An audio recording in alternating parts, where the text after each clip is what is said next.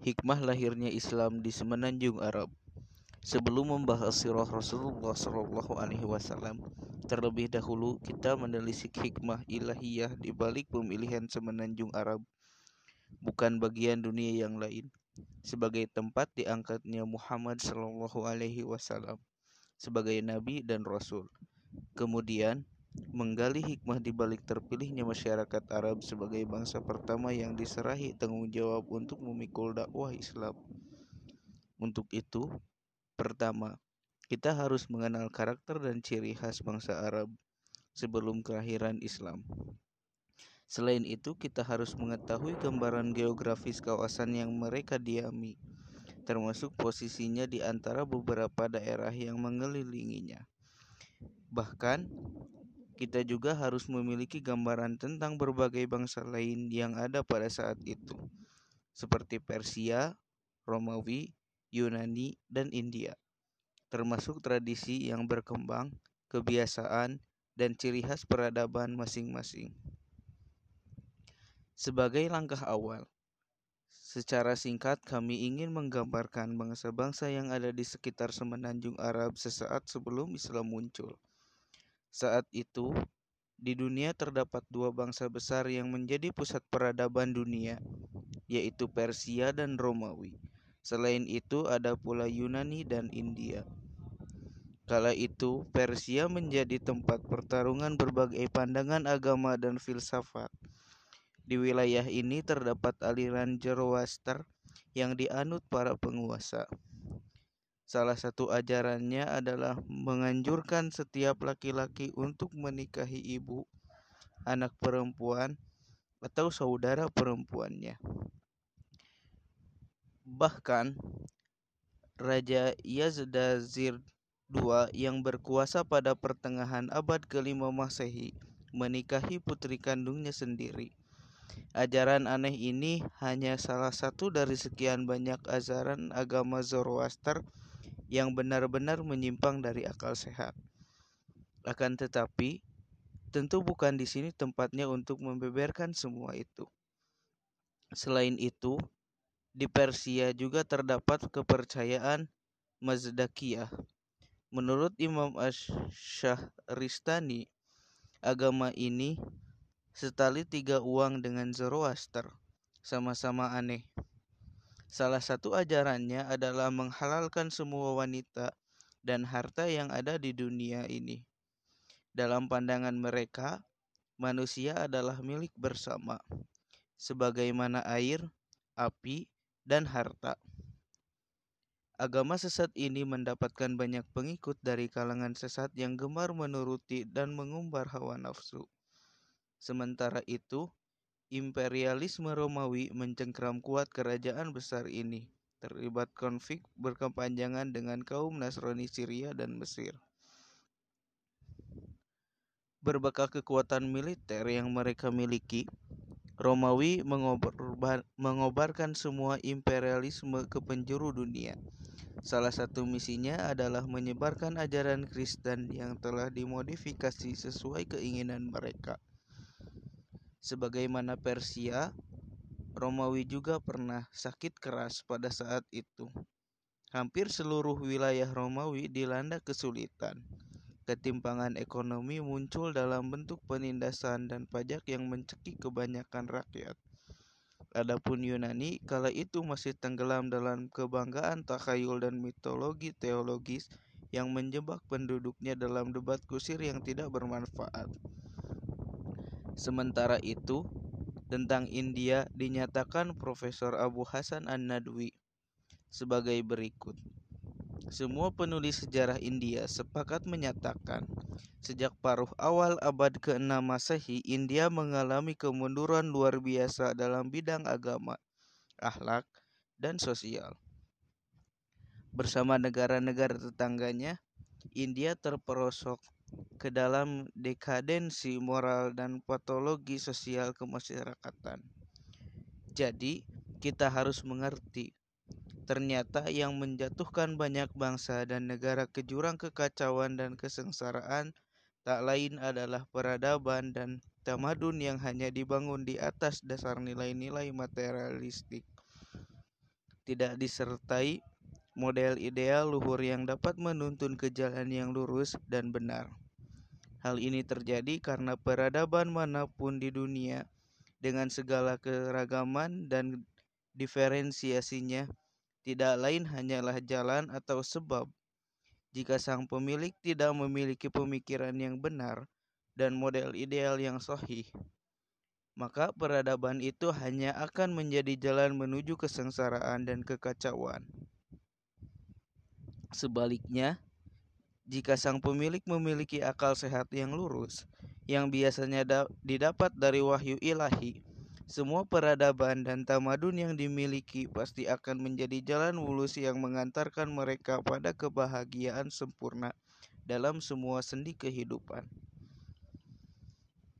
Di tengah hiruk-pikuk itu, semenanjung Arab pada masa itu adalah kawasan yang tenang, karena terhindar dari semua bentuk kekacauan yang menyebar di sekitarnya.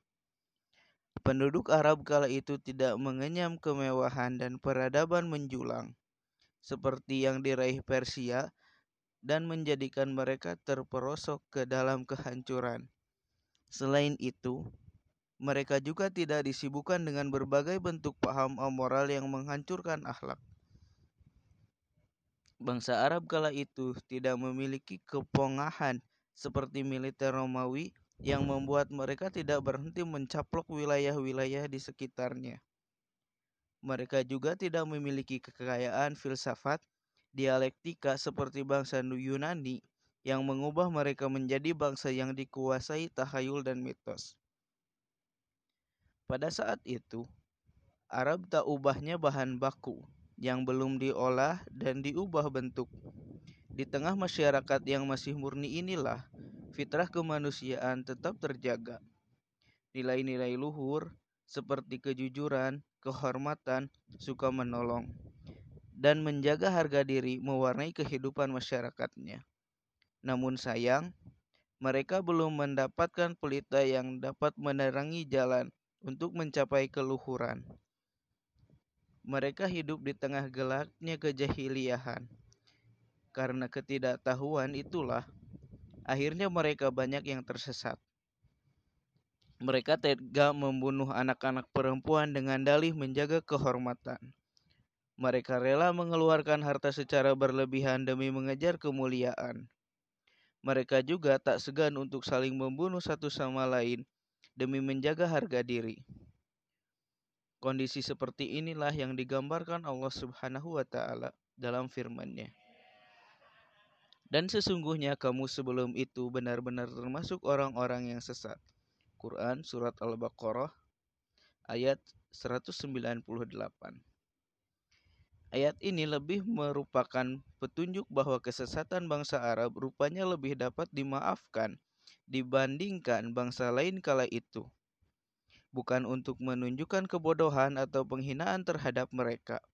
Alasannya, bangsa lain tenggelam dalam kemerosotan moral. Padahal mereka di tengah obor peradaban dan tamadun yang terang benderang. Kelebihan yang mereka miliki justru memerosokkan mereka ke dalam jurang kerusakan. Sementara itu, Secara geografis, semenanjung Arab terletak tepat di antara semua bangsa yang tengah bergejolak. Profesor Muhammad Al-Mubarak menyatakan, siapa pun yang melihat semenanjung Arab pasti akan melihat bahwa wilayah ini memang terletak di tepat di tengah-tengah dua peradaban besar. Peradaban barat materialis yang menciptakan potret manusia dalam bentuk yang sama sekali tidak sesuai dengan kebenaran dan peradaban spiritual khayali yang berpusat di timur seperti India dan Cina. Melalui gambaran kondisi bangsa Arab dan bangsa lain di sekitarnya sebelum Islam, maka kita dapat dengan mudah mengungkap hikmah ilahiyah yang tersembunyi di balik ketetapan Allah Subhanahu wa taala memilih semenanjung Arab bukan wilayah lain sebagai tempat kelahiran Rasulullah Shallallahu Alaihi Wasallam, sekaligus pengangkatan beliau sebagai utusannya. Allah Subhanahu wa taala menjadikan bangsa Arab sebagai bangsa pertama yang menerima dakwah agung ini. Dari kalangan mereka lah yang pertama dititahkan Allah Subhanahu wa taala untuk menebarkan dakwah Islam ke seluruh penjuru bumi agar semua manusia menyembah Allah Subhanahu wa taala. Banyak orang berpendapat Pemeluk agama sesat dan pemuja peradaban yang rusak akan sulit diobati sebab mereka memandang baik kerusakan yang menjangkiti diri mereka.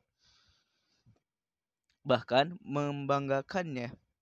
Adapun mereka yang berada dalam fase pencarian akan lebih mudah menerima kebodohan karena tidak akan membanggakan tamadun atau peradaban yang mereka sendiri belum mencapainya. Kelompok yang kedua ini tentu lebih mudah untuk diobati dan diarahkan. Ini tentu bukan hikmah ilahiyah yang kita maksud karena analisis seperti ini hanya pantas dilakukan oleh mereka yang mempunyai kemampuan terbatas dan jengah bersusah payah. Kalau saja Allah Subhanahu wa taala berkehendak menjadikan Islam lahir di tempat lain seperti Persia, Romawi, atau India, pastilah dia menyiapkan segala sesuatu yang mendukung keberhasilan dakwah di sana sebagaimana yang dia persiapkan di semenanjung Arab. Demikian itu tidaklah sulit bagi Allah Subhanahu wa taala. Karena dialah zat yang maha menciptakan segala sesuatu. Hikmah terpilihnya semenanjung Arab ini senada dengan hikmah terpilihnya Rasulullah yang ummi alias tidak dapat membaca dan menulis. Bagi Allah, demikian itu bisa jadi agar manusia tidak meragukan misi kenabian yang diemban Muhammad Shallallahu Alaihi Wasallam. Selain itu, Allah Subhanahu Wa Taala mengunci mati semua pintu keraguan terhadap keabsahan dakwah Rasulullah Shallallahu Alaihi Wasallam. Hal lain yang turut menyempurnakan hikmah ilahiyah yang sedang kita bicarakan ini ialah lingkungan tempat tinggal Rasulullah yang buta huruf itu memang seharusnya lingkungan yang juga buta huruf berbeda dengan semua bangsa yang ada di sekitarnya. Maksudnya, bangsa Arab kala itu adalah bangsa yang belum terkontaminasi peradaban yang ada di sekelilingnya. Pikiran mereka belum dicemari berbagai macam filsafat yang tidak jelas ujung pangkalnya. Hikmah ilahiyah lainnya adalah menyingkirkan keraguan dari dada semua manusia Tidaklah mudah untuk dipercaya andai kata nabi yang diutus Allah Subhanahu wa taala dari kalangan terpelajar yang menguasai kitab-kitab kuno, sejarah bangsa-bangsa purba dan peradaban di sekitarnya. Di samping itu, Allah Subhanahu wa taala juga ingin menyingkirkan keraguan manusia. Seandainya dakwah Islam lahir di tengah bangsa berperadaban tinggi dan memiliki pemikiran filsafat yang sudah terbangun, semisal Persia, Yunani, atau Romawi. Jika itu terjadi, pasti akan muncul banyak setan yang menyangkal kenabian Muhammad Shallallahu Alaihi Wasallam.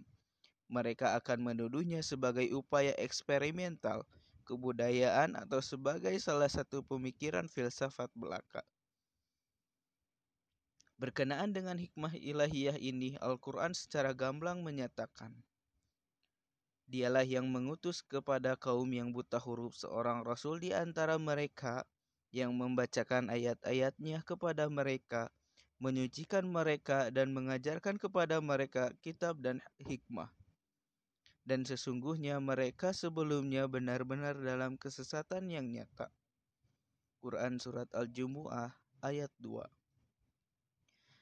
Memang sudah kehendak Allah untuk memilih utusan yang buta huruf adalah kehendaknya memilih tempat kelahiran Rasul pilihannya di tengah bangsa yang sebagian besar masyarakatnya buta huruf.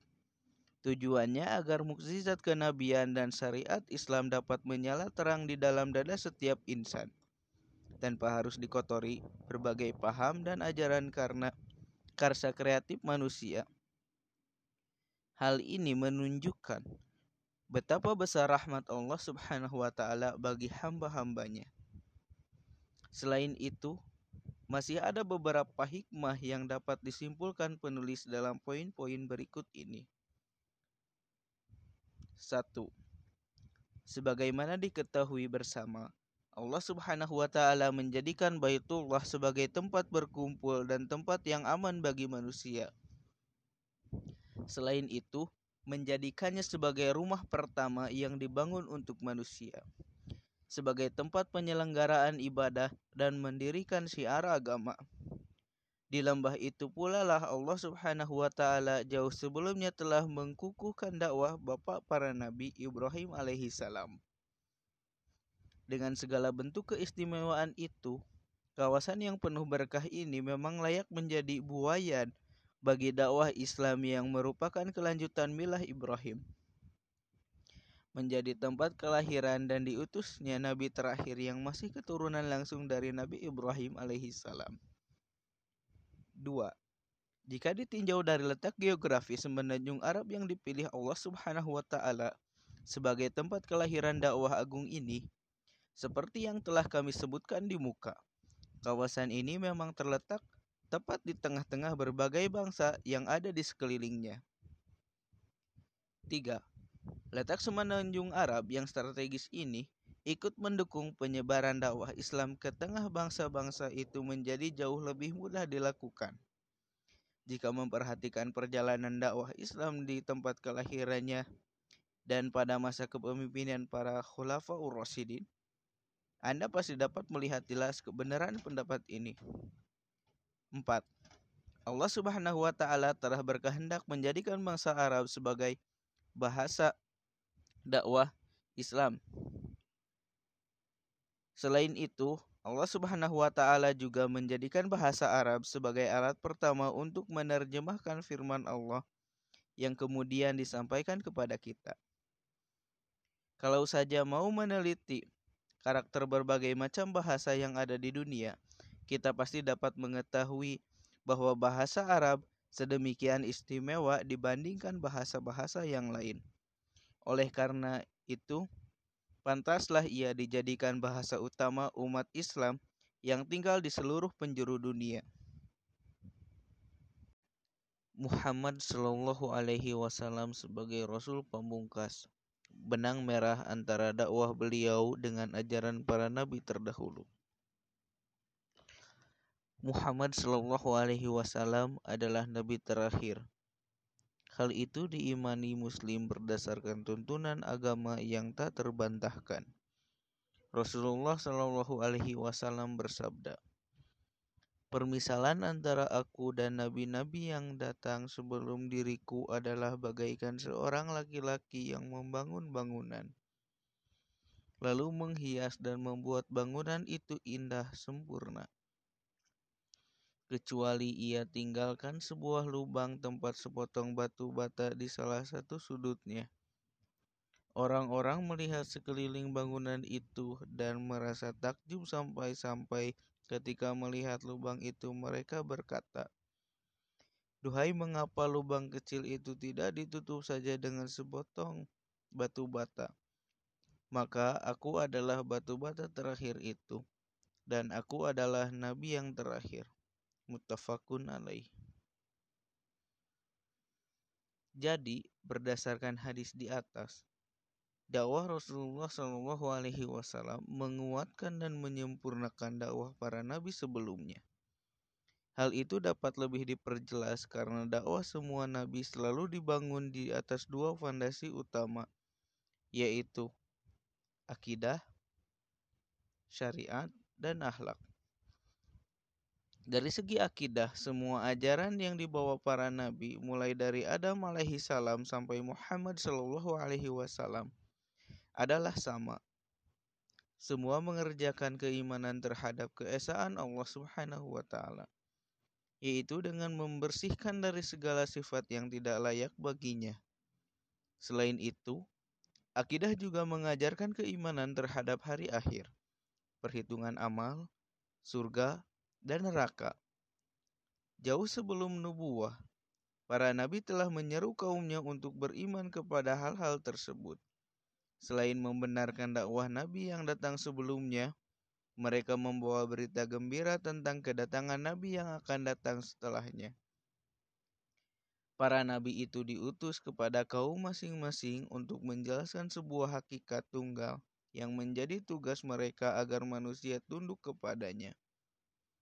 Itulah ketundukan tunggal kepada Allah Subhanahu wa taala. Hal ini dijelaskan Allah Subhanahu wa taala dalam firman-Nya. Dia telah mensyariatkan kamu tentang agama apa yang telah diwasiatkannya kepada Nuh dan apa yang telah kami wahyukan kepadamu dan apa yang telah kami wasiatkan kepada Ibrahim, Musa, dan Isa, yaitu tegakkanlah agama dan janganlah kamu berpecah belah tentangnya. Quran Surat Ash-Shura ayat 13 Sulit dibayangkan jika masalah keimanannya yang didakwahkan para nabi itu berbeda satu sama lain.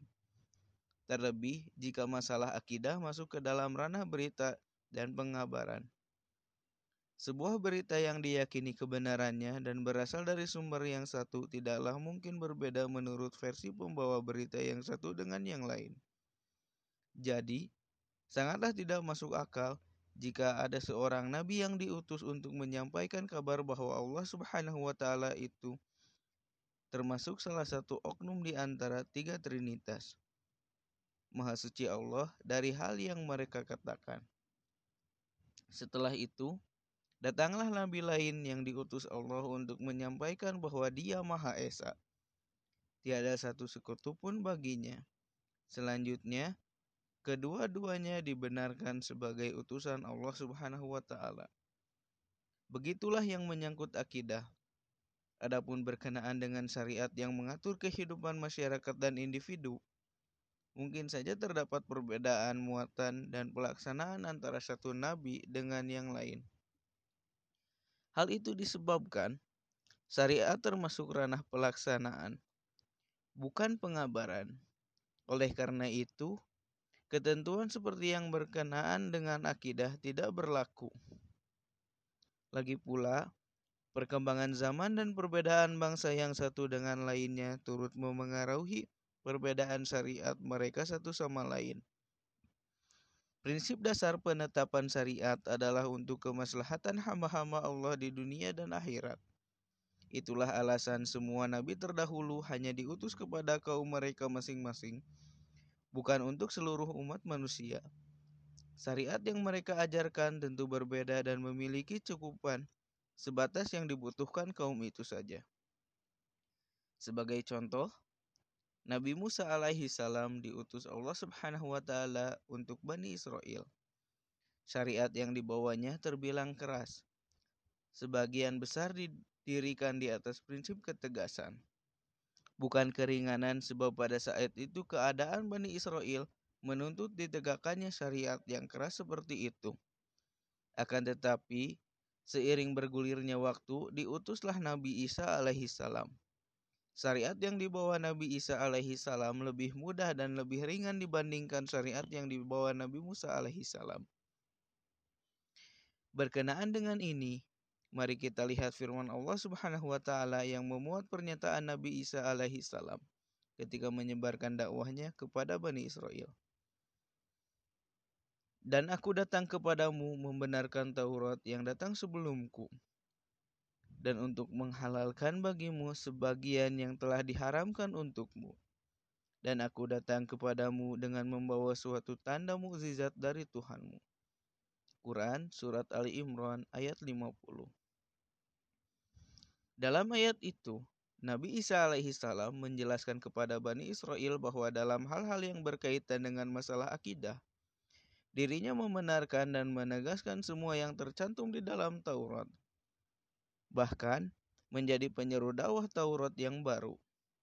Akan tetapi, berkenaan dengan masalah syariat dan hal haram, Nabi Isa alaihissalam menyatakan bahwa ia membawa beberapa perubahan berupa keringanan, bahkan penghapusan nasakh sebagian syariat keras yang sebelumnya dibawa Nabi Musa alaihissalam. Atas dasar itu, kita mengetahui bahwa misi yang dibawa para rasul itu terdiri dari akidah dan syariat. Berkenaan dengan akidah, tugas para rasul sekedar untuk menegaskan dan memperkokoh akidah yang dibawa para rasul sebelumnya. semua sama, tidak ada perubahan dan perbedaan. Sementara itu, berkenaan dengan syariat yang dibawa seorang rasul bisa menjadi penghapus nasih bagi syariat yang dibawa rasul sebelumnya. Mungkin saja melanjutkan syariat yang terdahulu. Hal ini sejalan dengan pernyataan mereka. Syariat orang-orang sebelum kita adalah syariat kita juga, jika tidak ada ketentuan yang berbeda. Jadi jelas, tidaklah mungkin ada beberapa agama samawi yang berbeda satu sama lain. Perbedaan itu hanya dalam lingkup syariat samawi, yaitu yang datang belakangan menjadi penghapus nasih bagi yang datang sebelumnya. Hingga diturunkan sebuah syariat pamungkas yang sempurna dari Allah Subhanahu wa taala untuk disampaikan kepada umat manusia oleh nabi terakhir Muhammad sallallahu alaihi wasallam. Agama yang benar hanyalah satu adanya. Semua nabi dan rasul diutus Allah untuk sama-sama menyeru kepada agama yang benar itu, yaitu mengajak umat manusia untuk berpegang padanya. Sejak zaman Nabi Adam alaihi salam sampai Nabi Muhammad sallallahu alaihi wasallam, agama dimaksud adalah Islam.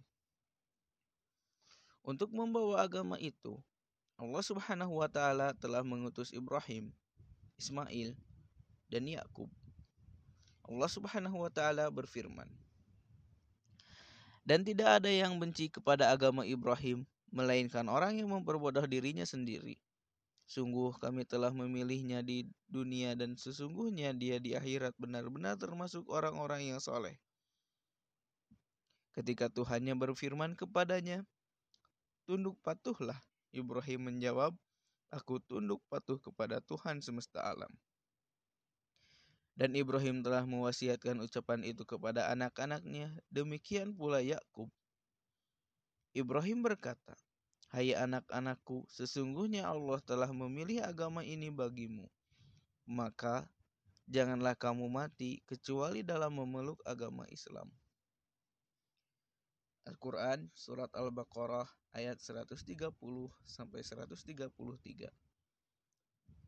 Selain itu, Allah juga mengutus Nabi Musa alaihi salam kepada Bani Israel untuk menyampaikan agama itu. Allah Subhanahu wa taala berfirman berkenaan dengan para ahli sihir Firaun. Ahli-ahli sihir itu menjawab, "Sesungguhnya kepada Tuhanlah kami kembali." dan kamu tidak menyalahkan kami, melainkan karena kami telah beriman kepada ayat-ayat Tuhan kami ketika ayat-ayat itu datang kepada kami. Mereka berdoa, Ya Tuhan kami, limpahkanlah kesabaran kepada kami, dan wafatkanlah kami dalam keadaan berserah diri kepadamu. Al-Quran Surat Al-A'raf ayat 126 sampai 127. Untuk membawanya pula, Allah Subhanahu wa taala mengutus Nabi Isa alaihi salam. Allah Subhanahu wa taala berfirman, "Maka tatkala Isa mengetahui keinginan mereka Bani Israel, berkatalah dia, Siapakah yang akan menjadi penolong-penolongku untuk menegakkan agama Allah?"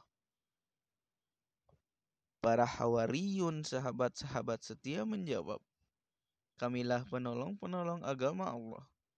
Kami beriman kepada Allah dan saksikanlah bahwa sesungguhnya kami adalah orang-orang yang berserah diri. Al-Quran Surat Ali Imran ayat 52 Jika ada yang bertanya, mengapa orang-orang yang mengklaim sebagai pengikut setia Nabi Musa alaihi salam sekarang berpegang pada akidah yang bukan tauhid? seperti dibawa pada dibawa para nabi dan rasul. Mengapa orang-orang yang mengklaim sebagai pengikut Nabi Isa alaihi salam sekarang berpegang pada akidah yang juga lain? Menjawab pertanyaan tersebut, Allah Subhanahu wa taala berfirman dalam Al-Qur'an. Sesungguhnya agama yang diridhoi di sisi Allah hanyalah Islam tiada berselisih orang-orang yang telah diberi Alkitab, kecuali sesudah datang pengetahuan kepada mereka. karena kedengkian yang ada di antara mereka. Al-Quran Surat Ali Imran ayat 19 Dalam surat As-Surah, Allah subhanahu wa ta'ala juga berfirman, dia telah mensyariatkan kamu tentang agama apa yang telah diwasiatkannya kepada Nuh dan apa yang telah kami wahyukan kepadamu dan apa yang telah kami wasiatkan kepada Ibrahim, Musa, dan Isa. Yaitu tegakkanlah agama dan janganlah kamu berpecah belah tentangnya. Amat berat bagi orang-orang musyrik, agama yang kamu seru kepada mereka.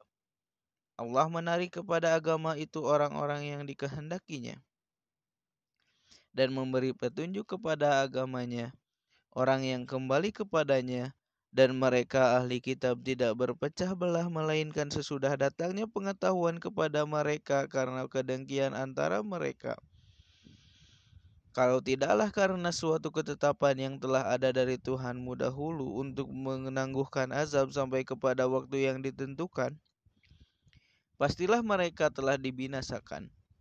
Dan sesungguhnya orang-orang yang diwariskan kepada mereka Alkitab, Taurat, dan Injil sesudah mereka benar-benar berada dalam keraguan yang mengguncangkan tentang kitab itu. Quran surat As-Su'ara Quran surat As-Sura ayat 14 Quran surat As-Sura ayat 13 sampai 14 Jadi semua nabi dan rasul diutus untuk membawa Islam satu-satunya agama yang diridhoi Allah Subhanahu wa taala. Kalangan ahli kitab sebenarnya mengetahui ketunggalan agama ini.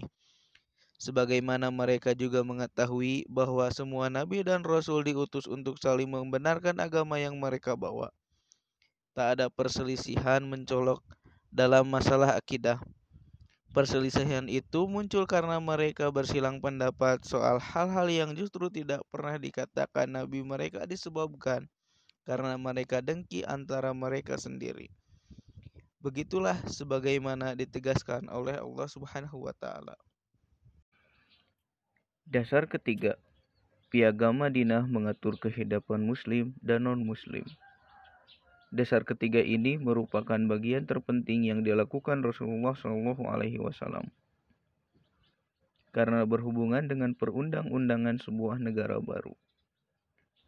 Ibnu Hisham meriwayatkan, beberapa hari setelah Rasulullah Shallallahu Alaihi Wasallam tiba di Madinah, masyarakat Arab berkumpul menghadap beliau. Pada hari itu, seisi rumah kaum Ansar telah memeluk Islam. Satu-satunya suku di Madinah yang belum semua warganya memeluk Islam hanyalah kabilah Aus. Rasulullah Shallallahu Alaihi Wasallam menulis sebuah piagam perjanjian yang diberlakukan bagi kaum Muhajirin, Ansar, dan kaum Yahudi. Di dalam piagam perjanjian itu Rasulullah Shallallahu Alaihi Wasallam meratifikasi agama yang mereka peluk, hak kepemilikan harta, dan beberapa hal lainnya. Isi piagam perjanjian ini dikutip Ibnu Ishaq tanpa mencantumkan sanad, sementara Ibnu Khaisumah meriwayatkannya dengan sanad yang lengkap sebagai berikut. Kami menerima hadis dari Ahmad ibn Jinad Abul Wahid dari Isa ibn Yunus dari Kasir ibn Abdullah ibn Amr al-Muzanni dari ayahnya dari kakeknya bahwa Rasulullah Shallallahu Alaihi Wasallam menulis sebuah tulisan perjanjian antara kaum muhajirin dan ansar. Lalu ia menyebutkan isi perjanjian yang serupa dengan apa yang disebutkan Ibnul Ishaq. Naskah ini juga dinukil Imam Ahmad dalam Al-Musnad. Ia meriwayatkannya dari Surej yang berkata, kami menerima hadis dari Ibad, dari Hajjaj, dari Amr ibn Su'aib, dari ayahnya, dari kakeknya bahwa Rasulullah telah menulis sebuah piagam perjanjian antara kaum muhajirin dan ansar. Kami sengaja tidak mengutip naskah piagam perjanjian ini secara lengkap karena terlalu panjang. Tetapi kami akan menurunkan beberapa poin penting dari naskah piagam perjanjian yang diratifikasi langsung oleh Rasulullah Wasallam. Tujuannya agar kita dapat mengetahui beberapa aturan pokok undang-undang yang berlaku bagi masyarakat Muslim dan negara mereka yang baru di Madinah. Poin-poin penting tersebut kami urut sesuai naskah aslinya. 1. Kaum muslimin dari kalangan Quraisy dan Yastrib juga siapa pun yang mengikuti dan berjihad bersama mereka adalah satu umat. 2. Semua muslim meskipun berbeda suku sama-sama harus membayar akal dan menebus para tawanan mereka dengan cara yang ma'ruf dan adil di antara kalangan orang-orang mukmin. Tiga, sesungguhnya orang-orang mukmin tidak meninggalkan mengabaikan seseorang yang menanggung hutang di antara mereka untuk memberinya uang tebusan atau akal. Empat, sesungguhnya orang-orang mukmin yang bertakwa harus melawan orang-orang yang melampaui batas atau melakukan kejahatan besar berupa kezaliman, dosa, permusuhan, atau kerusakan di antara kaum mukminin sendiri. Walaupun ia adalah anak dari salah seorang di antara mereka. 5. Seorang mukmin tidak boleh membunuh mukmin yang lain demi membela orang kafir. Dan seorang mukmin tidak boleh membantu orang kafir untuk menyerang sesama mukmin. 6. Sesungguhnya kata damai bagi kaum mukminin adalah satu. Seorang mukmin tidak boleh berdamai tanpa orang mukmin yang lain dalam berperang di jalan Allah kecuali dilakukan atas kesetaraan dan keadilan antar mereka. 7. Zimah Allah adalah satu. Dia melindungi mukmin yang lemah dan orang mukmin adalah wali bagi mukmin yang lain di hadapan seluruh umat manusia. 8. Seorang mukmin yang telah mengikrarkan isi piagam ini juga beriman kepada Allah dan hari akhir. Tidak dihalalkan membantu atau melindungi seseorang pendosa. Barang siapa membantu atau melindungi seorang pendosa, maka di hari kiamat ia dilaknat dan dimurkai Allah Subhanahu wa taala. Tak ada tebusan yang dapat membebaskannya dari laknat dan murkanya. 9. Orang-orang Yahudi harus mengeluarkan belanja bersama orang-orang mukmin selama mereka masih dalam kondisi perang. 10. Orang-orang Yahudi Bani Auf adalah satu umat dengan orang-orang mukmin. Bagi kaum Yahudi agama mereka dan bagi kaum muslimin agama mereka kecuali orang yang melakukan perbuatan aniaya dan durhaka. Orang semacam ini hanya menghancurkan diri dan keluarganya sendiri. 11. Orang-orang Yahudi berkewajiban menanggung nafkah mereka sendiri, dan kaum muslimin pun berkewajiban menanggung nafkah mereka sendiri pula. Antara mereka harus ada tolong-menolong dan menghadapi siapa pun yang hendak menyerang pihak yang mengadakan perjanjian ini.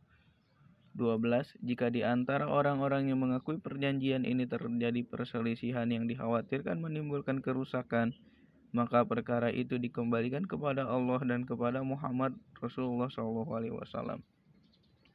13. Barang siapa tinggal di dalam kota Madinah ini, keselamatannya tetap terjamin, kecuali yang berbuat kezaliman dan melakukan kejahatan. 14. Sesungguhnya Allah melindungi apa yang tercantum di dalam piagam ini. Sesungguhnya Allah melindungi siapa pun yang berbuat kebaikan dan bertakwa. Pelajaran dan bahan renungan. Piagam Madinah jelas mengandung beberapa poin penting yang berhubungan dengan berbagai hukum dan aturan bagi sebuah masyarakat Islam. Berikut ringkasannya. Satu, tampaknya satu-satunya istilah modern yang paling dekat untuk mendefinisikan piagam, piagam Madinah ini adalah undang-undang. Sebab piagam Madinah menyerupai undang-undang. Isi piagam ini mencakup hampir semua elemen yang biasa terkandung di dalam undang-undang modern di dalamnya terdapat garis-garis besar pengaturan negara, baik secara internal maupun eksternal. Selain itu, mengatur hal-hal yang berkaitan dengan hubungan antar warga, bahkan hubungan antar negara. Undang-undang tersebut disusun Rasulullah Shallallahu Alaihi Wasallam berdasarkan wahyu Allah Subhanahu Wa Taala, ditulis oleh para sahabat untuk kemudian dijadikan landasan yang disepakati bersama oleh kaum mukmin dan Yahudi yang bertetangga dengan mereka. Semua ini membuktikan bahwa sejak awal masyarakat Islam sudah didirikan di atas undang-undang dasar yang sempurna. Piagam ini sekaligus menjadi bukti bahwa sejak awal negara Islam telah memiliki komponen perundang-undangan dan administrasi negara yang representatif. Komponen perundangan ini jelas merupakan elemen dasar yang harus ada untuk pelaksanaan hukum syariat Islam di tengah masyarakat. Apalagi secara keseluruhan piagam Madinah disusun atas dasar pemikiran kesatuan umat Islam dan beberapa hal yang berhubungan dengan sistem ketatanegaraan. Di mana pun hukum dan syariat Islam tidak dapat ditegakkan jika sistem perundangan yang seperti di, yang diciptakan Rasulullah SAW tidak diterapkan di tempat itu. Sebab sistem perundangan seperti ini merupakan bagian dari hukum syariat itu sendiri. Bertolak dari semua itu, maka tuduhan yang menyatakan Islam hanya mengatur hubungan antara individu dengan Tuhannya, tetapi tidak memiliki sistem perundang-undangan atau ketatanegaraan jelas dapat dipatahkan. Para pelaku ghazw fikr memang selalu menuduh Islam sebagai agama yang sudah usang. Para antek penjajah melakukan itu jelas bertujuan memasung Islam agar tidak dapat memainkan peran sosial kemasyarakatan. Selain itu, agar Islam kehilangan kemampuannya untuk memperbaiki tatanan masyarakat yang sudah rusak. Jalan untuk mencapai semua tujuan busuk itu tentu dengan cara membelenggu Islam agar menjadi tidak lebih dari sekedar agama, bukan negara. Selain itu, tidak lebih dari sekedar ibadah, bukan undang-undang. Bahkan kalaupun terbentuk negara Islam, mereka akan berusaha merusaknya. Salah satu cara yang mereka tempuh melontarkan berbagai macam kebohongan dan dusta. Tetapi jebakan musuh-musuh Islam itu telah rusak sedemikian cepat. Nasib buruk memang selalu menimpa orang-orang sesat seperti mereka. Membicarakan perilaku mereka hanya memperjelas kedengkian yang mereka pendam. Bagaimanapun juga, karena ingin mengetahui beberapa poin penting berkenaan dengan perkara ini, rasanya perlu kami katakan bahwa kelahiran sebuah masyarakat Islam menjadi elemen pokok bagi berdirinya negara Islam. Supaya terlihat jelas, masyarakat Islam harus memiliki sistem tata sosial yang mencakup seluruh aspek kehidupan masyarakatnya. Piagam Madinah ini menjadi bukti paling nyata akan hal ini. Kesimpulan ini tentu tidak dapat kita lepaskan dari kenyataan bahwa syariat Islam memiliki bagian-bagian yang terpisah sesuai wilayahnya masing-masing. Namun jika disatukan menjadi aturan yang lengkap, bahkan sistem perundang-undangan yang sempurna. 2. Piagam Madinah mencerminkan keadilan dan yang direpresentasikan sikap Rasulullah SAW terhadap kaum Yahudi. Sebenarnya piagam Madinah dapat membuahkan hasil yang manis bagi kedua belah pihak, muslimin dan Yahudi. Andai kata kaum Yahudi berhenti melakukan kebiasaan lamanya berbuat makar, konspirasi, dan tipu muslihat. Tidak seberapa lama paksa penanda tang pasca penandatanganan piagam Madinah kaum Yahudi sudah mengingkari janji mereka kepada Rasulullah dan umat Islam. Mereka melakukan berbagai bentuk pengkhianatan, Hal ini insya Allah akan kami jelaskan secara lebih terperinci pada bagian yang lain. Menghadapi manuver kaum Yahudi itu, umat Islam tentu harus mengambil tindakan yang diperlukan. 3. Piagam Madinah menunjukkan beberapa aspek hukum yang terdapat dalam ajaran Islam antara lain. Pertama, klausul pertama Piagam Madinah membuktikan bahwa Islam adalah satu-satunya alat yang dapat menyatukan umat Islam. Islam pula yang dapat menjadikan semua pemeluknya menjadi umat yang satu. Segala perbedaan dan perselisihan dalam tubuh umat Islam akan luruh ketika berhadapan dengan persatuan Islam ini. Hal ini dapat dipahami dengan sangat jelas jika Anda membaca sabda Rasulullah Wasallam yang termaktub dalam klausul pertama Piagam Madinah. Beliau bersabda, kaum muslimin dari kalangan Quraisy dan Yastrib dan siapa pun yang mengikuti mereka lalu berjihad bersama mereka adalah satu umat di hadapan seluruh umat manusia yang lain. Klausul inilah yang harus menjadi landasan pokok dalam mendirikan sebuah masyarakat Islam yang kokoh. Kedua, Klausul kedua dan ketiga menunjukkan bahwa salah satu faktor terpenting dalam terbentuknya masyarakat Islam adalah penanaman makna persatuan dan gotong royong dengan sebaik-baiknya. Seluruh anggota masyarakat saling bertanggung jawab satu sama lain. baik menyangkut urusan duniawi maupun ukhrawi. Sebenarnya dapat dikatakan seluruh aspek hukum dalam syariat Islam dibangun di atas landasan ini, sekaligus menjadi jalan implementasi prinsip kebersamaan dan gotong royong yang berlaku di tengah masyarakat muslim. Ketiga, klausul ketujuh dari Piagam Madinah menunjukkan arti sesungguhnya dari prinsip kesetaraan antar sesama muslim. Kesetaraan bukan hanya jadi hiasan melainkan sokok guru yang wajib diimplementasikan demi terbentuknya sebuah masyarakat Islam. Perlu Anda ketahui, prinsip kesetaraan antar sesama muslim ini benar-benar akan diterapkan dengan baik melalui sabda Rasulullah SAW yang tercantum di dalam Piagam Madinah. Zimah, jaminan Allah adalah satu dia melindungi mukmin yang lemah. Orang mukmin adalah wali bagi mukmin yang lain di hadapan seluruh umat manusia. Maksudnya, bagaimanapun juga zimah orang-orang yang keselamatannya dijamin oleh umat Islam adalah terhormat. Mereka harus dilindungi dan tidak boleh dizolimi. Jadi, siapa pun yang dijamin keamanannya oleh seorang muslim, maka tidak boleh ada muslim lain, baik pemerintah maupun rakyat jelata, yang dapat merusak penghormatan terhadap jaminan keamanan tersebut. Semua klausul perjanjian ini berlaku bagi perempuan dan laki-laki.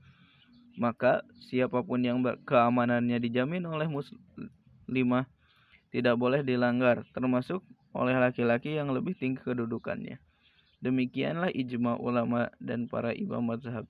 Tetapi Berkenaan dengan hal ini, para ulama mengajukan beberapa syarat antara lain. Jaminan keamanan itu tidak boleh membahayakan umat Islam, seperti menjamin keselamatan seorang mata-mata musuh. Selain itu, jaminan keamanan harus ditentukan jumlah pesertanya. Jaminan keamanan itu harus ditentukan batas masa berlakunya dan tidak boleh lebih dari empat bulan. Imam Al-Bukhari, Imam Muslim, dan beberapa perawi yang lain meriwayatkan bahwa Ummul Hani binti Abi Thalib radhiyallahu anha menemui Rasulullah Shallallahu alaihi wasallam pada tahun terjadinya peristiwa penaklukan Mekah. Ia berkata, "Wahai Rasulullah Shallallahu alaihi wasallam, sepupuku Ali ingin membunuh seorang laki-laki yang kujamin keselamatannya, Fulan ibn Hubairah." Rasulullah SAW bersabda, kami menjamin keselamatan siapa pun yang kau jamin, wahai Ummu Hani. Dari apa yang dilakukan Rasulullah SAW, itu tentu Anda dapat mengetahui betapa tingginya penghormatan yang diberikan Islam kepada kaum perempuan. Dengan sangat jelas Anda juga dapat melihat betapa kaum perempuan di dalam Islam berhak memiliki semua hak-hak individual dan sosialnya, sebagaimana dimiliki kaum laki-laki. Hal ini tidak pernah terjadi pada selain umat Islam. Lebih penting dari semua itu, Anda harus memahami perbedaan antara prinsip kesetaraan semua manusia yang didukung oleh syariat Islam dengan berbagai fenomena tradisional yang melekat pada ajaran Islam. Sebagaimana yang sering didengung-dengungkan oleh para pendamba-pendamba peradaban modern. Syariat berupa prinsip kesetaraan yang didirikan di atas fitrah manusia itulah yang kemudian akan menjadi jalan bagi kebahagiaan semua manusia baik laki-laki maupun perempuan, secara individual maupun komunal. Sementara itu, dorongan nafsu hewani pasti akan menjadi jalan bagi eksploitasi kaum perempuan sebagai perangkat hiburan bagi kaum laki-laki. Keempat, klausul ke-12 dari Piagam Madinah menunjukkan kepada kita bahwa hukum yang adil merupakan satu-satunya jalan bagi umat Islam untuk menyelesaikan pertikaian perselisihan dan berbagai perkara yang terjadi di antara mereka. Hukum yang adil itulah yang kemudian disebut syariat Allah yang terkandung di dalam Al-Quran dan Sunnah Rasulullah SAW. Seandainya umat Islam berani mencari solusi dari segala permasalahan mereka di luar kedua sumber hukum ini, maka disadari atau tidak, mereka telah berdosa di hadapan Allah. Dengan melakukan itu, mereka telah menjerumuskan diri sendiri ke dalam jurang kesengsaraan di dunia dan di akhirat. Demikianlah uraian empat poin penting yang terkandung di dalam piagam Madinah yang dibuat Rasulullah SAW sebagai undang-undang bagi daulah Islamiyah di Madinah. Piagam inilah yang dijadikan Rasulullah SAW sebagai pedoman etik dan moral bagi umat Islam di tengah masyarakat mereka yang baru. Dan di piagam ini pula kita dapat menemukan sekian banyak prinsip hukum yang sangat penting yang perlu kita kaji dan renungkan lebih lanjut. Dengan menerapkan isi piagam ini dan menjadikannya pedoman hukum yang terus dipegang teguh, maka daulah Islamiyah di Madinah berdiri sebagai negara yang sangat kuat. Kekuatan daulah Islamiyah yang berawal dari kota Madinah terus memancar ke seluruh penjuru mata angin, mempersembahkan sebuah peradaban dan tamadun paling luhur di sepanjang pentas sejarah. Perang Uhud Perang Uhud meletus karena beberapa tokoh Quraisy yang tidak terbunuh dalam Perang Badar Kubro sepakat menuntut balas atas kematian teman-teman mereka. Untuk memerangi Rasulullah Shallallahu Alaihi Wasallam, mereka menggalang kekuatan barang-barang berharga yang dulu dibawa kafilah pimpinan Abu Sufyan. Seluruh puak Quraisy bersatu padu, bahkan ada kelompok non Quraisy yang disebut Al-Habsyi ikut membantu mereka. Orang-orang Quraisy juga mengarahkan begitu banyak perempuan agar mencegah suami-suami mereka lari dari medan pertempuran jika mereka terdesak oleh pasukan muslimin. Dalam perang ini, jumlah pasukan Quraisy mencapai 3.000 orang. Mendengar berita itu, Rasulullah Shallallahu Alaihi Wasallam di Madinah langsung berembuk dengan para sahabat. Dalam musyawarah, Rasulullah Shallallahu Alaihi Wasallam meminta para sahabat untuk memilih Akankah mereka keluar dari Madinah untuk menghadapi pasukan Quraisy atau bertahan di dalam kota? Setelah pasukan musuh sampai di Madinah, baru pasukan Muslim akan menghadapi mereka. Ternyata beberapa sahabat mengusulkan agar pasukan Muslim tetap berada di Madinah. Di antara yang berpendapat seperti ini adalah Abdullah bin Ubay bin Salul, gembong kaum munafik. Sebagian sahabat Rasulullah yang lain, khususnya mereka yang tidak ikut bertempur di perang Badar, mengusulkan kepada Rasulullah SAW agar pasukan Muslim keluar dari Madinah untuk menyongsong pasukan Quraisy. Mereka berkata, "Wahai Rasulullah, keluarlah engkau bersama kami, hadapi musuh agar mereka tidak mengira kita takut atau lemah." Para sahabat terus mendesak Rasulullah SAW hingga permohonan mereka dipenuhi. Maka Rasulullah SAW masuk ke dalam rumah mengenakan baju besi dan membawa senjata. Para sahabat yang mendesak Rasulullah Shallallahu Alaihi Wasallam keluar Madinah menyesal karena merasa memaksa Rasulullah Shallallahu Alaihi Wasallam melakukan sesuatu yang tidak beliau sukai. Melihat Rasulullah Shallallahu Alaihi Wasallam siap berperang, mereka berkata, "Sungguh kami telah memaksamu, wahai Rasulullah." Padahal tidaklah patut bagi kami melakukan itu. Jika engkau memang berkenan, tetaplah engkau di sini. Rasulullah Shallallahu Alaihi Wasallam menjawab, Tidaklah pantas bagi seorang nabi jika sudah mengenakan baju besi untuk kembali menanggalkannya sebelum berperang. Singkat cerita, pada hari Sabtu tanggal 7 Syawal atau 32 bulan setelah hijrah, Rasulullah Shallallahu Alaihi Wasallam bergerak meninggalkan Madinah bersama seribu orang sahabat. Akan tetapi, ketika pasukan itu sampai di sebuah tempat yang terletak di antara Madinah dan Uhud, tiba-tiba Abdullah bin Ubay bin Salul melakukan pembelotan, diikuti oleh sekitar sepertiga pasukan muslim. Para pembelot itu kebanyakan kaum munafik. Dan para samalu sedikit pun Abdullah bin Ubay kembali ke Madinah bersama para begundalnya sambil berkata, Ia telah menentangku dan lebih menuruti bocah-bocah yang belum matang pikirannya. Padahal kami tidak tahu untuk apa kami berperang. Melihat pengkhianatan itu, Abdullah bin Haram ikut berseru meminta Abdullah bin Ubay dan para pengikutnya tidak mengkhianati Rasulullah Shallallahu Alaihi Wasallam.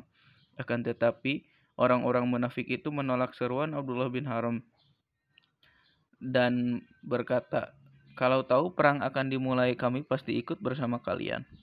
Imam Bukhari meriwayatkan pada saat itu pasukan Islam berbeda pendapat mengenai sikap para pembelot. Sebagian sahabat meminta agar semua pembelot dihukum mati, dan sebagian lainnya meminta mereka dibiarkan saja.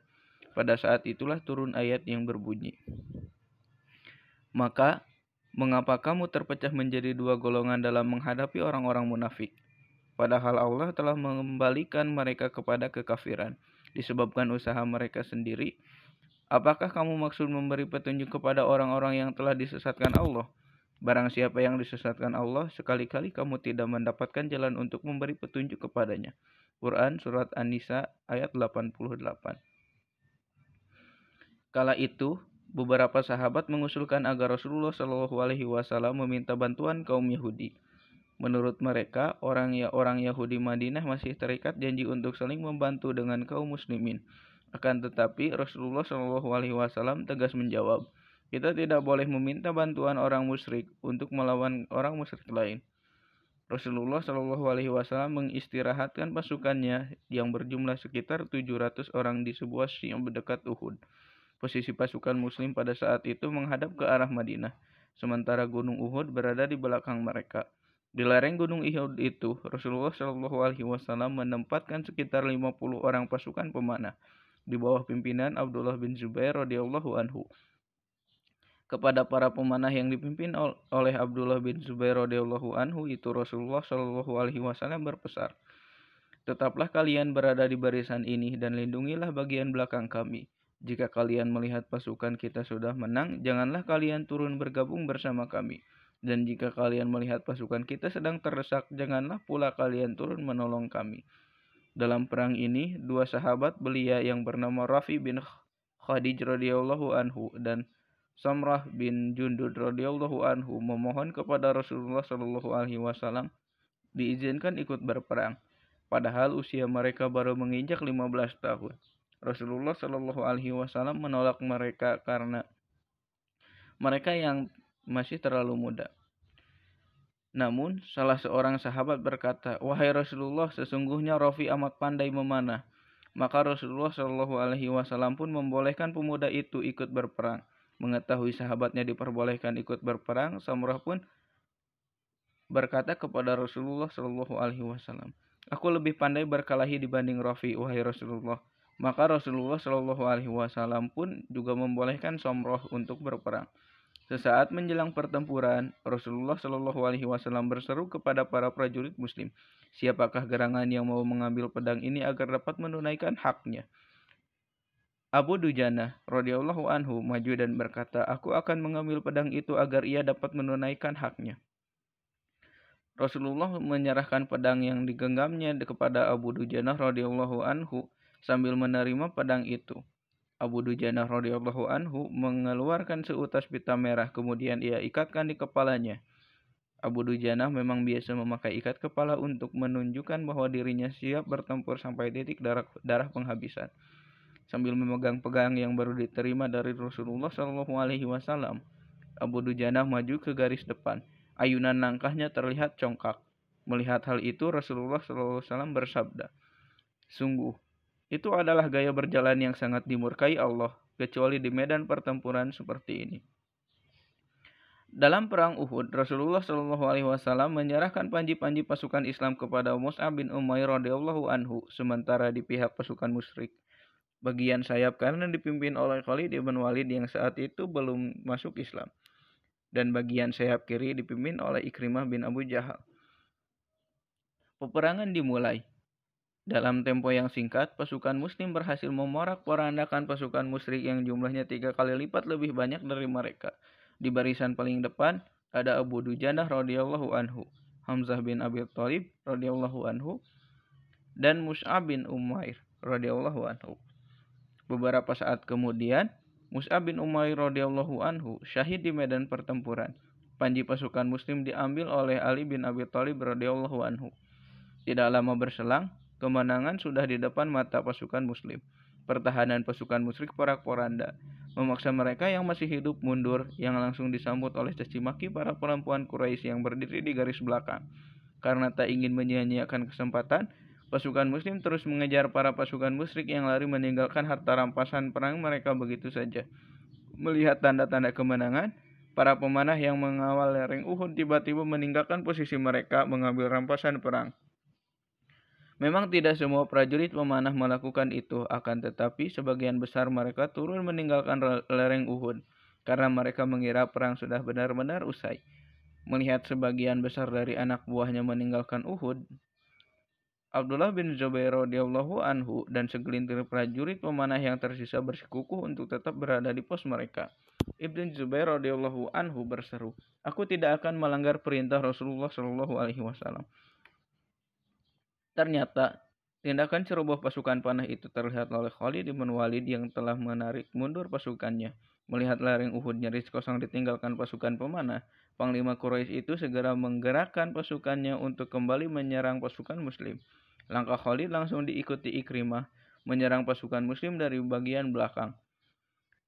Menghadapi serangan dadakan seperti itu, pasukan Muslim benar-benar kalang kabut. Pertahanan mereka yang semula sangat kokoh tiba-tiba rapuh dan mudah dipatahkan. Sementara itu pasukan musyrik terus mendesak pasukan muslim sampai-sampai Rasulullah Shallallahu Alaihi Wasallam sendiri harus menderita luka pada bagian pipi dan muka terkena lemparan batu. Sambil menyeka darah yang mengaliri wajahnya, Rasulullah Shallallahu Alaihi Wasallam bersabda, Bagaimana mungkin akan beruntung suatu kaum yang membuat wajah nabinya terluka, padahal ia menyuruh mereka kepada Tuhannya. Fatimah binti Rasulullah Shallallahu Alaihi Wasallam datang membersihkan darah di wajah beliau. Sementara itu, Ali bin Abi Thalib menuangkan air ke wajah Rasulullah SAW dengan menggunakan perisai kulit miliknya. Mengetahui tindakan itu justru memperbanyak darah yang keluar dari luka Rasulullah SAW. Fatimah merobek sepotong kain dan membakarnya.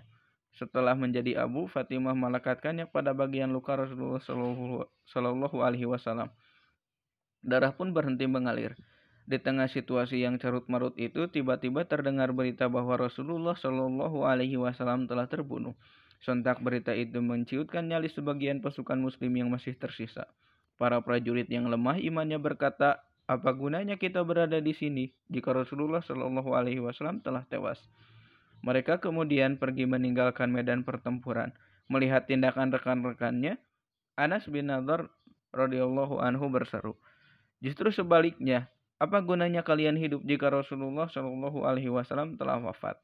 Anas radhiyallahu anhu lalu menyapukan pandangannya kepada para pembelot dan berkata, Ya Allah, sesungguhnya aku berlepas tangan padamu dari apa yang dikatakan orang-orang itu. Aku menyayangkan apa yang dikatakan mereka itu. Setelah berkata demikian, Anas melesat ke garis depan untuk bertempur menghadapi pasukan musyrik. Akhirnya ia pun syahid di perang Uhud. Di tengah kecamuk perang Uhud inilah terlihat sangat jelas pengorbanan para sahabat di sekeliling Rasulullah Shallallahu Alaihi Wasallam. Mereka rela kehilangan nyawa demi menyelamatkan Rasulullah Shallallahu Alaihi Wasallam. Imam Bukhari meriwayatkan bahwa ketika perang Uhud meletus, beberapa orang sahabat melindungi Rasulullah Shallallahu Alaihi Wasallam dengan tubuh mereka sendiri. Abu Talha radhiyallahu anhu melindungi bagian depan tubuh Rasulullah Shallallahu Alaihi Wasallam dengan menjadikan tubuhnya sendiri sebagai perisai sebuah perisai kulit ia kenakan di punggungnya. Abu Talha radhiyallahu anhu adalah seorang pemanah yang sangat hebat. Setiap kali Abu Talha radhiyallahu anhu melepaskan anak panah, Rasulullah shallallahu alaihi wasallam berusaha melonggokkan kepala beliau untuk melihat ke arah orang banyak. Pada saat itu Abu Talha radhiyallahu anhu berkata, "Demi ayah dan ibuku, janganlah engkau menongokkan kepalamu karena engkau akan terkena panah yang mereka lepaskan." Biarlah ku gunakan tubuhku untuk melindungi bagi tubuhmu. Sementara itu Abu Dujanah radhiyallahu anhu melindungi bagian belakang tubuh Rasulullah shallallahu alaihi wasallam dengan tubuhnya. Meskipun sejumlah anak panah masuk menancap di punggungnya, tak sedikit pun Abu Dujanah radhiyallahu anhu membiarkan tubuh Rasulullah shallallahu alaihi wasallam terluka. Tindakan serupa juga dilakukan oleh Ziyad bin Sakan radhiyallahu anhu. Dalam lima, or dan lima orang temannya yang syahid karena berusaha melindungi Rasulullah SAW dari terjangan senjata musuh. Sahabat terakhir yang gugur di perang Uhud adalah Imarah bin Yazid bin Sakan radhiyallahu anhu. Dialah yang melindungi Rasulullah Shallallahu alaihi wasallam dari arah bawah. Meskipun tubuhnya sendiri dipenuhi luka, di tengah situasi genting itu Rasulullah Shallallahu alaihi wasallam sempat berseru, "Dekatkan ia Imarah kepadaku." Maka Imaroh pun merentangkan kakinya ke arah Rasulullah Shallallahu Alaihi Wasallam. Imaroh bin Yazid ibn Sakan radhiyallahu anhu syahid dalam posisi pipinya menempel di ujung kaki Rasulullah Shallallahu Alaihi Wasallam. Setelah kecamuk perang mulai mereda dan para panglima musyrik mulai menarik pasukan mereka, umat Islam terhenyak menyadari banyak di antara mereka yang gugur. Di antara para syuhada Uhud itu terdapat Hamzah ibn Abdul Muthalib radhiyallahu anhu. Al-Yaman radhiyallahu anhu, Anas bin Nadar radhiyallahu anhu, Mus'ab bin Umair radhiyallahu anhu dan sejumlah sahabat-sahabat lainnya. Gugurnya Hamzah radhiyallahu anhu di medan perang kala itu benar-benar membuat hati Rasulullah Shallallahu alaihi wasallam sedih luar biasa. Apalagi kondisi jenazah pemanda Rasulullah Shallallahu alaihi wasallam itu sudah rusak. Bagian dada terkoyak sedangkan hidung dan telinganya terpotong. Rasulullah Shallallahu alaihi wasallam menggabungkan para suhada Uhud dengan menggunakan selai kain untuk dua jenazah. Untuk masing-masing mereka beliau bersabda, Siapa di antara mereka berdua yang paling banyak hafalan Al-Qur'annya? Setelah ditentukan, Rasulullah Shallallahu Alaihi Wasallam memerintahkan agar jenazah yang bersangkutan diletakkan di bagian depan untuk dimasukkan di liang lahat. Saat pemakaman Rasulullah Shallallahu Alaihi Wasallam juga bersabda, Aku akan menjadi saksi untuk mereka semua nanti di hari kiamat. Rasulullah Shallallahu Alaihi Wasallam juga memerintahkan agar mereka semua dimakamkan dengan darah yang masih membasahi pakaian tanpa dimandikan dan tanpa disolatkan. Setibanya pasukan muslim di Madinah, orang-orang Yahudi dan kaum munafik langsung menunjukkan sikap menghina. Abdullah bin Ubay bin Salul mengumbar kata-kata, kalau saja kalian menuruti keinginan kami, tentulah tidak ada seorang pun di antara kalian yang terbunuh. Para pengkhianat itu juga menghina kaum muslimin dengan mempertanyakan kemenangan yang dijanjikan bagi pasukan muslim dan Rasulullah Shallallahu alaihi wasallam. Maka Allah pun menurunkan beberapa ayat dalam surat Ali Imran yang menunjukkan tindakan kaum Yahudi dan orang-orang munafik. Serta menjelaskan hikmah di balik peristiwa memilukan yang terjadi di Uhud. Allah subhanahu wa ta'ala berfirman, Dan ingatlah ketika kami berangkat pada pagi hari dari rumah keluargamu akan menempatkan para mukmin pada beberapa tempat untuk berperang. Dan Allah maha mendengar lagi maha mengetahui ketika dua golongan daripadamu ingin mundur karena takut, padahal Allah adalah penolong bagi kedua golongan itu. Karena itu, hendaklah karena Allah saja orang-orang mukmin bertawakal. Sampai ayat ke-168 yang berbunyi, Orang-orang yang mengatakan kepada saudara-saudaranya dan mereka tidak turut pergi berperang, sekiranya mereka mengikuti kita, tentulah mereka tidak terbunuh. Katakanlah, tolaklah kematian itu dari dirimu jika kamu orang-orang yang benar. Quran surat Ali Imran ayat 121 sampai 168. Rasulullah Shallallahu Alaihi Wasallam beserta pasukannya kembali dari Uhud pada hari Sabtu petang. Mereka bermalam di Madinah sambil mengobati luka-luka yang diderita. Keesokan harinya, setelah sholat subuh, Rasulullah Shallallahu Alaihi Wasallam memerintahkan Bilal radhiyallahu anhu untuk menyampaikan berita bahwa Rasulullah Shallallahu Alaihi Wasallam memerintahkan pasukan Muslim untuk kembali mengangkat senjata. Akan tetapi yang diminta berangkat adalah para prajurit yang sudah ikut bertempur para, pada hari sebelumnya. Rasulullah Shallallahu Alaihi Wasallam menyerahkan panji pasukan Muslim kepada Ali bin Abi Thalib radhiyallahu anhu. Pasukan Muslim pun bergerak meskipun sebagian besar dari mereka mengalami luka-luka. Setibanya di daerah Hamro al-Asad, sebuah tempat yang terletak sekitar 10 mil dari kota Madinah, mereka membuat api unggun yang begitu besar. Jika dilihat dari kejauhan, terkesan api itu berasal dari sejumlah besar pasukan perang. Pada saat itu melintaslah seorang musyrik dari Bani Khuza'ah yang bernama Ma'bad al-Khuzai. Selanjutnya ia menemui pasukan musyrik yang masih bersenang-senang menikmati kemenangan. Pada saat itu, kebetulan para panglima musyrik sedang berkumpul. Merembukan kemungkinan mengarahkan pasukan ke Madinah untuk menghancurkan umat Islam. Melihat kedatangan Ma'bad, Abu Sufyan bertanya, apa yang engkau lihat tadi wahai Ma'bad? Ma'bad yang sebenarnya hanya melihat pasukan muslim dari kejauhan menjawab, celakalah kalian, sesungguhnya Muhammad telah meninggalkan Madinah bersama para sahabatnya untuk mengajar kalian dengan jumlah pasukan yang sangat besar. Belum pernah aku melihat pasukan sebesar itu. Tampaknya mereka akan segera menumpahkan kemarahan terhadap kalian semua. Allah pun melesakkan perasaan takut luar biasa ke dalam hati orang-orang musyrik itu. Akhirnya mereka sepakat untuk segera kembali ke Madinah, kembali ke Mekah. Rasulullah Shallallahu Alaihi Wasallam bermalam di Hamro al Asad dari hari Senin sampai Rabu sebelum akhirnya beliau kembali ke Madinah bersama pasukan Muslim. Pelajaran dan bahan renungan. Tak dapat dipungkiri, Perang Uhud benar-benar menjadi pelajaran berharga, berharga bagi umat Islam di sepanjang masa. Sebagaimana dijelaskan, peristiwa Uhud tampaknya akan selalu mengalirkan hikmah, bahan pelajaran yang selalu aktual di setiap zaman, yang mengajarkan bagaimana seharusnya umat Islam menyikapi kemenangan menghadapi musuh-musuh mereka, termasuk juga bagaimana cara bangkit dari keterpurukan. Berikut ini adalah poin-poin penting yang dapat kita petik dari perang Uhud.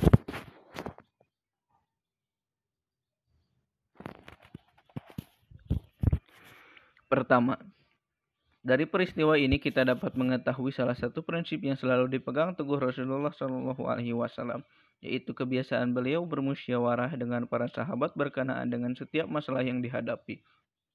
Tetapi khusus untuk peristiwa Uhud, kita melihat fakta yang amat berbeda yang tidak pernah kita temukan padanannya dalam musyawarah Rasulullah Shallallahu Alaihi Wasallam. Sebelum meluntus perang Badar, fakta dimaksud adalah keputusan Rasulullah Shallallahu Alaihi Wasallam yang memenuhi permintaan para sahabat agar pasukan Muslim keluar dari Madinah dan menyongsong musuh. Setelah beliau mengenakan pakaian perang, padahal para sahabat mengusulkan ide tersebut menyesali sikap mereka karena dirasa memaksa sang Nabi menuruti kehendak mereka. Jika Rasulullah Shallallahu Alaihi Wasallam mau, mau, mereka juga tidak keberatan tetap berada di Madinah. Sebab beberapa saat sebelumnya Rasulullah Shallallahu Alaihi Wasallam terlihat lebih mendukung pendapat para sahabat yang meminta beliau tetap berada di Madinah. Tampaknya hikmah, paling berharga di balik keputusan Rasulullah Shallallahu Alaihi Wasallam itu ialah bahwa membahas kembali sebuah keputusan perang setelah sang Rasul tampil di hadapan sahabat dengan mengenakan baju besi dan memanggul senjata adalah sikap yang melewati batas prinsip musyawarah. Apalagi menyangkut perang dibutuhkan kebulatan tekad dan niat yang teguh. Jadi, jika pada saat itu Rasulullah Shallallahu Alaihi Wasallam kembali lagi ke kediaman setelah sempat menunjukkan kesiapan bertempur, itu menunjukkan kelemahan tekad dan sikap ragu-ragu yang biasanya muncul di hati seorang pengecut. Sebab itu, Rasulullah Shallallahu Alaihi Wasallam dengan tegas langsung menjawab permintaan sahabat agar beliau mengurungkan niat untuk bertempur dengan ucapan yang menunjukkan keteguhan hati. Tidaklah pantas bagi seorang nabi jika sudah mengenakan baju besi untuk kembali menanggalkannya sebelum ia berperang. Kedua, peperangan ini juga mengandung hikmah, mengandung hikmah dibersihkannya orang-orang munafik dari kaum muslimin. Kelak, sikap orang-orang munafik yang membelot dalam perang Uhud akan benar-benar berguna bagi umat Islam. Sebagaimana diketahui, Abdullah bin Ubay dan 300 pengikutnya membelot dari pasukan yang dipimpin Rasulullah Shallallahu Alaihi Wasallam setelah mereka meninggalkan Madinah. Secara lahir, pembelotan para musuh dalam selimut itu terjadi karena Rasulullah Shallallahu Alaihi Wasallam lebih menuruti pendapat para sahabat muda yang ceroboh, bukan pendapat para tetua yang penuh perhitungan. Padahal secara batin penyebab pembelotan kalangan munafik itu sebenarnya hanya satu. Mereka memang tidak mau berperang di jalan Allah. Seperti itulah watak dasar orang munafik di sepanjang sejarah Islam. Mereka tidak ingin ketinggalan mendapatkan bagian harta rampasan perang, tetapi sama sekali tidak mau bersusah payah menegakkan agama Islam. Jadi, orang-orang munafik betah bernaung di bawah payung Islam karena satu di antara dua hal, banyaknya harta rampasan perang yang dapat mereka ambil dan peperangan yang enggan mereka ikuti. Ketiga, dalam peristiwa ini kita melihat Rasulullah Shallallahu Alaihi Wasallam sama sekali tidak mau meminta bantuan orang-orang non Muslim dalam berperang. Padahal pada saat yang sama pasukan Muslim kekurangan personil. Dalam sebuah hadis yang diriwayatkan Ibn Sa'ad dalam kitab atau bakat disebutkan Rasulullah Shallallahu Alaihi Wasallam bersabda, kita tidak boleh meminta bantuan orang-orang musyrik untuk melawan orang-orang musyrik lainnya. Imam Muslim juga meriwayatkan sebuah hadis yang menyatakan bahwa Rasulullah Shallallahu Alaihi Wasallam bertanya kepada seorang laki-laki yang ikut berperang bersama pasukan muslim, apakah engkau beriman kepada Allah? Lelaku itu menjawab, tidak. Maka Rasulullah Shallallahu Alaihi Wasallam bersabda, kalau begitu pulanglah, karena aku tidak sudi meminta bantuan dari orang musyrik. Berdasarkan beberapa dalil ini, maka jumhur ulama menyatakan bahwa meminta bantuan orang kafir dalam peperangan hukumnya haram. Akan tetapi Imam Syafi'i merinci masalah ini dalam pernyataan beliau. Jika seorang imam memandang bahwa seorang kafir yang akan dimintai bantuan itu adalah seorang yang berpikiran baik dan dapat dipercaya, dan pasukan muslim memang sedang membutuhkan bantuannya, maka bolehlah ia dimintai bantuan. Tetapi jika tidak, ia tidak boleh dimintai bantuan. Tampaknya pendapat Imam Ash-Syafi'i inilah yang lebih disesuai dengan semua kaidah dan dalil syariat. Dalam banyak riwayat telah dikatakan bahwa sebenarnya Rasulullah Shallallahu Alaihi Wasallam pernah meminta bantuan kepada Sofwan bin Umayyah ketika terjadi perang Hunain. Adapun menurut hemat kami, topik pembicaraan kita ini telah memasuki ranah, ranah politik. Insya Allah pada bagian selanjutnya kami akan menjelaskan lebih lanjut mengenai perbedaan antara apa yang dilakukan Rasulullah SAW dalam perang Hunain dengan apa yang beliau lakukan dalam perang Badar dan Uhud.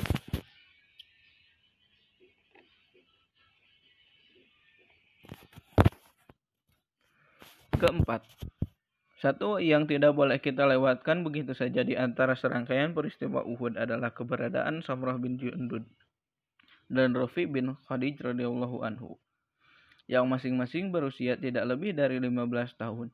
Kedua pemuda itu memohon kepada Rasulullah Shallallahu Alaihi Wasallam agar diizinkan ikut berperang dalam arti yang sesungguhnya dengan bertaruh nyawa. Pada saat itu semua orang tahu bahwa kekuatan pasukan muslim dan pasukan musyrik sangatlah tidak berimbang. Pasukan muslim berjumlah 700 orang sedangkan pasukan musyrik 3000 orang. Lucunya, para pelaku Ghazul Fikar dengan enteng menganggap perilaku kedua pemuda muslim pemerintah itu sama sekali tidak luar biasa. Alasannya saat itu bangsa Arab terbiasa berperang satu sama lain, melibatkan orang tua, pemuda, bahkan anak-anak. Jadi Samroh radhiyallahu anhu dan Rofi radhiyallahu anhu sama sekali tidak pantas disebut pemberani. Sungguh amat bodohlah para orientalis yang dungu itu. Mereka rupanya benar-benar menutup mata terhadap tindakan pengecut Abdullah bin Ubay yang tanpa rasa malu sedikit pun melakukan pembelotan terhadap Rasulullah Shallallahu Alaihi Wasallam bersama 300 orang munafik yang lain hanya karena takut mati. Para orientalis itu rupanya juga menutup mata dari apa yang dilakukan sebagian umat Islam yang memilih tetap berada di Madinah sambil berlindung di bawah pohon-pohon kurma dari teriknya matahari musim panas dan menolak untuk menyambut seruan perang yang dikumandangkan Rasulullah Shallallahu Alaihi Wasallam. Mereka itulah pengecut yang berkata kepada para pejuang Muslim, janganlah kalian berperang, hari masih panas. Bahkan para orientalis itu juga menutup mata dan dari melihat ketakutan yang menghinggapi hati setiap kafir Quraisy pada hari itu. Setelah mengalami kekalahan telak, dalam perang Badar, padahal dalam perang itu kekuatan mereka tiga kali lipat lebih banyak dari pasukan Muslim.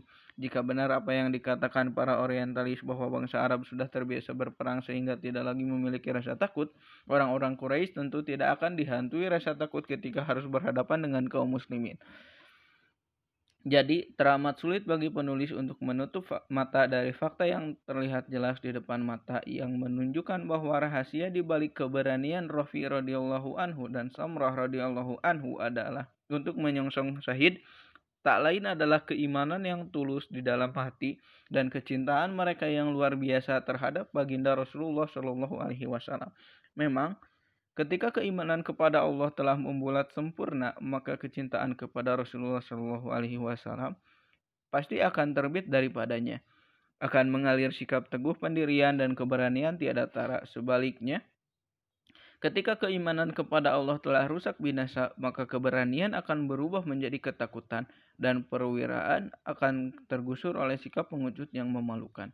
Kelima, dengan memperhatikan kesigapan Rasulullah Shallallahu Alaihi Wasallam dalam menyikapi dan mengatur pasukan, menempatkan eh, regu pelindung di garis belakang, dan memerintahkan regu pemanah agar tidak meninggalkan pos apa pun yang terjadi pada pasukan Muslim, Anda pasti akan langsung menyadari sebuah fakta yang amat nyata.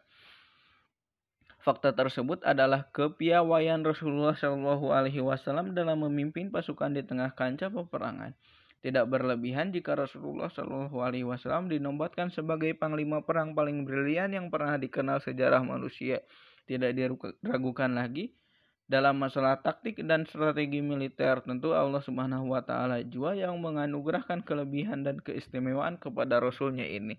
Akan tetapi perlu diingat semua kejeniusan dan kecerdasan Rasulullah Shallallahu Alaihi Wasallam itu terbit dari mata air kenabian dan misi risalah yang beliau emban.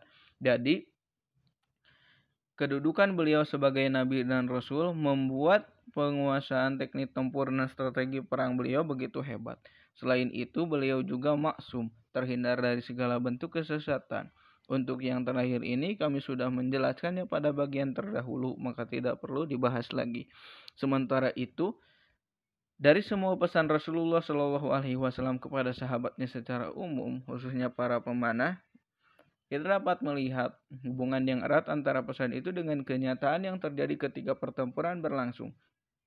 Para pemanah meninggalkan posisi mereka di lereng Uhud sebagai seorang utusan Rasulullah Shallallahu Alaihi Wasallam tampaknya telah mengetahui hal itu lewat wahyu bahwa akan terjadi pelanggaran serius dalam perang Uhud. Karena itu beliau berkali-kali mengingatkan para sahabat untuk tidak sekali-kali mematuhi musuh besar mereka yaitu hawa nafsu dan ketamakan terhadap harta duniawi.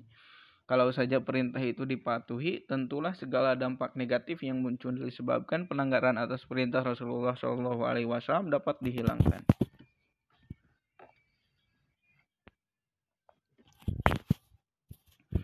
Keenam, tentang Abu Dujana. Tindakan Abu Dujana radhiyallahu anhu yang berjalan dengan gaya congkak setelah menerima pedang dari Rasulullah SAW ternyata tidak dilarang oleh beliau. Rasulullah Shallallahu Alaihi Wasallam bersabda, sungguh itu adalah gaya berjalan yang sangat dimurkai Allah, kecuali di medan pertempuran seperti ini. Sikap Rasulullah Shallallahu Alaihi Wasallam ini menunjukkan bahwa ternyata sikap sombong dan congkak yang sangat terlarang dalam kondisi normal ternyata diperbolehkan di medan perang, merupakan sebentuk kesombongan jika Muslim berjalan di atas bumi dengan langkah pongah. Tetapi perbuatan seperti itu justru dianggap baik di medan perang, merupakan sebentuk kesombongan jika seorang Muslim menghias rumah, bejana atau gelas mereka dengan bahan emas dan perak tetapi menghias peralatan perang dengan perak sama sekali tidak dilarang. Mengapa?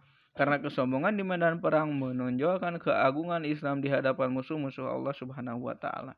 Ketujuh, jika diperhatikan lebih cermat kita dapat membagi perang Uhud menjadi dua babak. Babak pertama yaitu ketika pasukan muslim konsisten menjaga posisi mereka masing-masing dan mematuhi semua perintah panglima besar mereka Rasulullah Shallallahu alaihi wasallam. Apakah gerangan buah dari sikap seperti itu? Pasukan Islam dengan cepat meraih kemenangan. Di sisi lain, pasukan musyrik juga dengan cepat memenuhi kekalahan. Ketakutan tiba-tiba menyergap 3.000 orang prajurit musyrik sehingga mereka lari tunggang langgang ke garis belakang. Babak inilah yang menjadi bukti kebenaran firman Allah Subhanahu wa taala. Dan sesungguhnya Allah telah memenuhi janjinya kepada kamu ketika kamu membunuh mereka dengan izinnya. Quran Surat Ali Imran ayat 152. Babak kedua, yaitu ketika pasukan muslim berusaha mengejar dan menangkap pasukan musyrik, sekaligus mengambil harta rampasan perang. Pada babak inilah para prajurit pemanah melihat teman-teman mereka menyergap musuh kemudian kembali membawa harta rampasan perang yang berlimpah. Melihat itu timbullah niat sebagian besar anggota pemanah untuk ikut mengambil harta rampasan perang bersama teman-teman mereka yang lain. Rupanya keinginan mereka itu telah mengesampingkan perintah Rasulullah Shallallahu Alaihi Wasallam. Mereka mengira sudah bebas, mengira sama sekali tidak membutuhkan izin dari Rasulullah SAW untuk meninggalkan pos mereka. Walaupun sebenarnya ijtihad mereka itu ditentang oleh sebagian kecil anggota satuan, termasuk pemimpin mereka sendiri Abdullah bin Jubair radhiyallahu anhu. Namun karena mereka sudah terlanjur dimabuk ketamakan, mereka pun terlanjur turun dari lereng Uhud untuk ikut merebut perampasan perang. Apakah gerangan buah dari sikap seperti itu? Tiba-tiba ketakutan yang menghantui pasukan musyrik berubah menjadi keberanian karena melihat sebuah peluang baru. Sebuah kesempatan emas terlihat oleh Panglima Khalid bin Walid yang sedang menghelak kudanya mundur ke garis belakang. Sesaat setelah pemimpin pasukan Quraisy itu melayangkan pandangan ke Gunung Uhud, ia langsung tahu bahwa posisi strategis itu telah ditinggalkan para penjaganya. Maka naluri militer Khalid pun langsung memerintahkannya untuk segera menggerakkan pasukan mengitari gunung dan menyerang pasukan muslim dari belakang. Pada saat itu ketakutan mulai menyergap hati para prajurit muslim. Babak inilah yang dinyatakan dalam firman Allah Subhanahu wa taala. Sampai pada saat kamu lemah dan berselisih dalam urusan itu dan mendurhakai perintah Rasul sesudah Allah memperlihatkan kepadamu apa yang kamu sukai. Di antara kamu ada yang menghendaki dunia dan di antara kamu ada orang yang menghendaki akhirat. Kemudian Allah Subhanahu wa taala memalingkan kamu dari mereka untuk menguji kamu. Quran surat Ali Imran ayat 152. Lihatlah betapa hebat malapetaka yang ditimbulkan kesalahan segelintir pada jurid muslim. Lihatlah pula betapa kesalahan segelintir orang justru menimpakan petaka bagi seluruh anggota pasukan. Ternyata kesalahan beberapa oknum prajurit muslim dapat mendatangkan dampak buruk bagi seluruh pasukan. Bahkan Rasulullah Shallallahu Alaihi Wasallam pun ikut menelan pil pahit karena perbuatan segelintir prajurit tersebut. Itulah sunatullah yang berlaku di seluruh alam semesta. tak terkecuali Rasulullah Shallallahu Alaihi Wasallam meskipun beliau makhluk paling dicintai Allah Subhanahu Wa Taala. Sekarang coba anda bayangkan kesalahan para prajurit pemanah itu, kemudian bandingkan kesalahan mereka dengan kesalahan yang sekarang dilakukan sebagian dari kita. Bayangkanlah, dengan membayangkannya kita akan mengetahui betapa lembutnya Allah kepada kita semua. Sebab Meskipun saudara-saudara kita sesama muslim melakukan kesalahan dan dosa, ternyata Allah Subhanahu wa taala tidak membinasakan kita semua. Padahal kesalahan yang mereka lakukan sudah sedemikian besar, termasuk melalaikan kewajiban untuk melakukan amar ma'ruf nahi munkar dan melalaikan kewajiban untuk bergerak seirama dalam melakukan tugas itu. Dengan merenungkan semua itu, Anda pasti dapat menemukan jawaban dari sebuah pertanyaan yang sering dilontarkan sebagian kita. Apa sebenarnya penyebab kelemahan bangsa-bangsa muslim ketika berhadapan dengan bangsa-bangsa lain? Bukanlah bangsa-bangsa itu jelas ingkar kepada Tuhan, sedangkan mereka tunduk patuh kepadanya. Kedelapan, sebagaimana kita ketahui, dalam perang Uhud ini Rasulullah Shallallahu Alaihi Wasallam mengalami luka yang cukup parah. Bagian wajah dan kepala beliau berdarah bahkan gigi beliau juga patah. Semua itu tidak lain adalah buah dari kesalahan segelintir pasukan muslim yang melanggar perintah pimpinan mereka. Apa sebenarnya hikmah dari balik kabar kematian Rasulullah SAW di tengah barisan pasukan muslim? Jawabannya, ternyata ikatan batin antara Rasulullah SAW dan umat Islam. Keberadaan beliau di tengah-tengah mereka pada saat itu benar-benar telah menjadi kekuatan dahsyat yang dimiliki mereka. Mereka sama sekali tidak berpikir kekuatan itu akan hilang dari umat Islam, bahkan juga tidak terbayangkan mereka sanggup menjaga kekuatan itu jika Rasulullah SAW benar-benar meninggal dunia.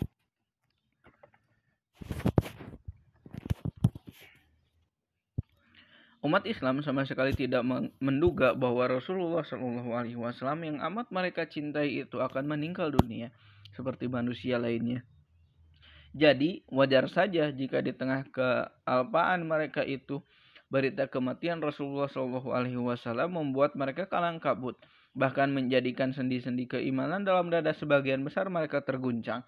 Jadi salah satu hikmah terbesar dari tersiarnya berita kematian Rasulullah Wasallam pada saat itu adalah sebagai pelajaran berharga. Umat Islam dibuat membuka mata agar melihat kenyataan yang sama sekali tidak boleh mereka lalaikan dalam arti kata agar mereka tidak berbalik ke belakang murtad jika Rasulullah Wasallam benar-benar meninggalkan mereka.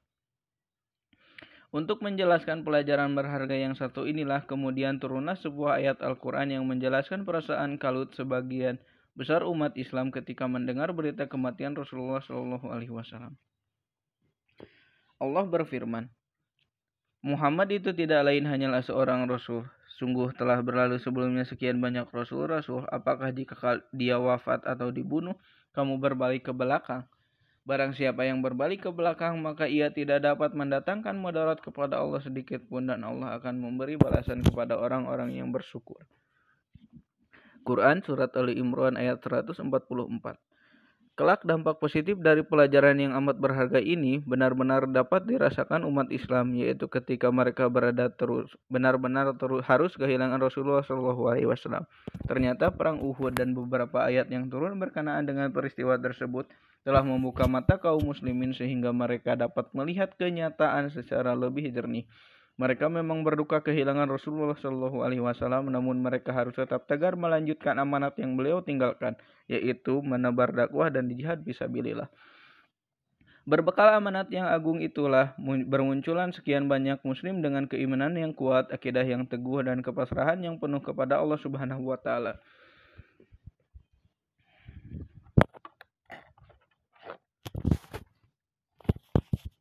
Kesembilan, dalam perang Uhud kita melihat pengorbanan luar biasa yang dilakukan beberapa sahabat Rasulullah Shallallahu Alaihi Wasallam. Para sahabat rela mempertaruhkan raga mereka untuk melindungi Rasulullah Shallallahu Alaihi Wasallam dari anak panah musuh. Satu persatu mereka gugur diterjang senjata pasukan musyrik. Semua itu mereka lakukan demi melindungi Rasulullah Shallallahu Alaihi Wasallam sekalipun mengorbankan keselamatan diri. Bagaimana pengorbanan yang menakjubkan seperti itu bisa terjadi? Itulah buah dari keimanan kepada Allah Subhanahu wa taala dan Rasulullah Shallallahu alaihi wasallam. Juga kecintaan para sahabat terhadap beliau. Dua hal itulah yang menjadi mata air bersumbernya pengorbanan yang menakjubkan. Setiap muslim seharusnya memiliki kedua hal penting ini, sebab seorang muslim tidak cukup mengaku beriman. Lebih dari itu, ia harus dapat memenuhi seluruh lerung hatinya dengan kecintaan kepada Allah Subhanahu wa taala dan Rasulullah Shallallahu alaihi wasallam. Dalam sebuah kesempatan Rasulullah Shallallahu alaihi wasallam pernah bersabda, Tidaklah beriman seorang dari kalian sampai aku menjadi orang yang lebih ia cintai daripada orang tuanya, anaknya, dan semua manusia lainnya. Muttafaqun alaih. Allah Subhanahu wa taala menganugerahi manusia akal dan hati. Allah anugerahkan ke akal agar manusia dapat berpikir. Selanjutnya ia dapat mengimani hal-hal yang wajib diimani. Dan Allah juga anugerahkan hati agar manusia dapat mencintai segala hal yang diperintahkan Allah untuk dicintai, sekaligus membenci segala hal yang diperintahkan Allah untuk dibenci. Jika hati manusia tidak diisi dengan kecintaan kepada Allah Subhanahu wa taala dan Rasulnya, ia akan dipenuhi kecintaan kepada syahwat dan hal-hal yang diharamkan. Ketika hati telah disesaki kecintaan terhadap hal-hal yang dilarang, maka tidak mungkin akan melahirkan pengorbanan yang luhur. Inilah salah satu poin paling utama yang ditekankan para pakar pendidikan dan moral serta banyak dibuktikan oleh beberapa fakta empiris. Sekarang coba perhatikan pernyataan Jean Jacques, Jacques Rousseau dalam salah satu tulisannya.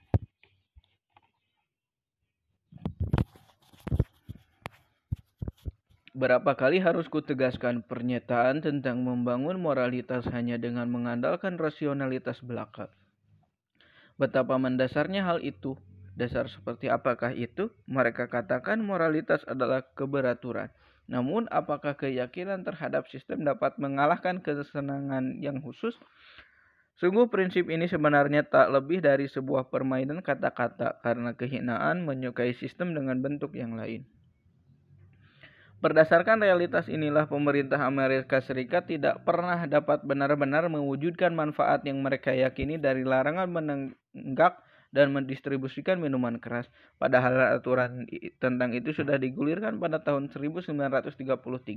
Namun beberapa saat setelah aturan itu dikeluarkan, para penegak hukum ternyata kembali membalikan badan ke belakang. Mereka melanggar aturan yang dibuat sendiri. Tak pelak minuman keras tersebar di penjuru negeri. Coba sekarang bandingkan kejadian di Amerika Serikat itu dengan apa yang dilakukan para sahabat Rasulullah Shallallahu Alaihi Wasallam. Yang peradaban, kebudayaan, dan pengetahuan mereka tentang bahaya minuman keras jauh lebih rendah dibandingkan penduduk Amerika Serikat yang modern. Ketika Allah Subhanahu wa taala perintahkan mereka agar meninggalkan minuman keras, seketika itu juga mereka langsung membuang semua minuman keras yang ada. Bahkan cawan dan botol yang biasa mereka pakai dimusnahkan sembari berteriak lantang. Kami takkan minum lagi wahai Tuhan. Kami takkan minum lagi. Perbedaan ini terjadi karena para sahabat Rasulullah telah mengisi relung hati mereka dengan keimanan. Keinginan mereka pun selalu sejalan dengan perintah dan hukum yang ditetapkan Allah Subhanahu wa taala.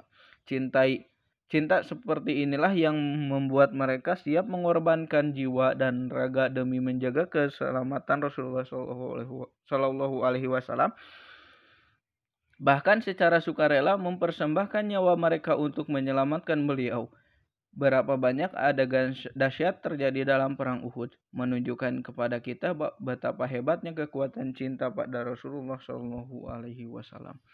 Ibnu Hisam meriwayatkan bahwa Rasulullah Shallallahu Alaihi Wasallam pernah berkata kepada para sahabat, Adakah seseorang yang bersedia membantuku melihat apa yang terjadi pada Sa'ad bin Robi?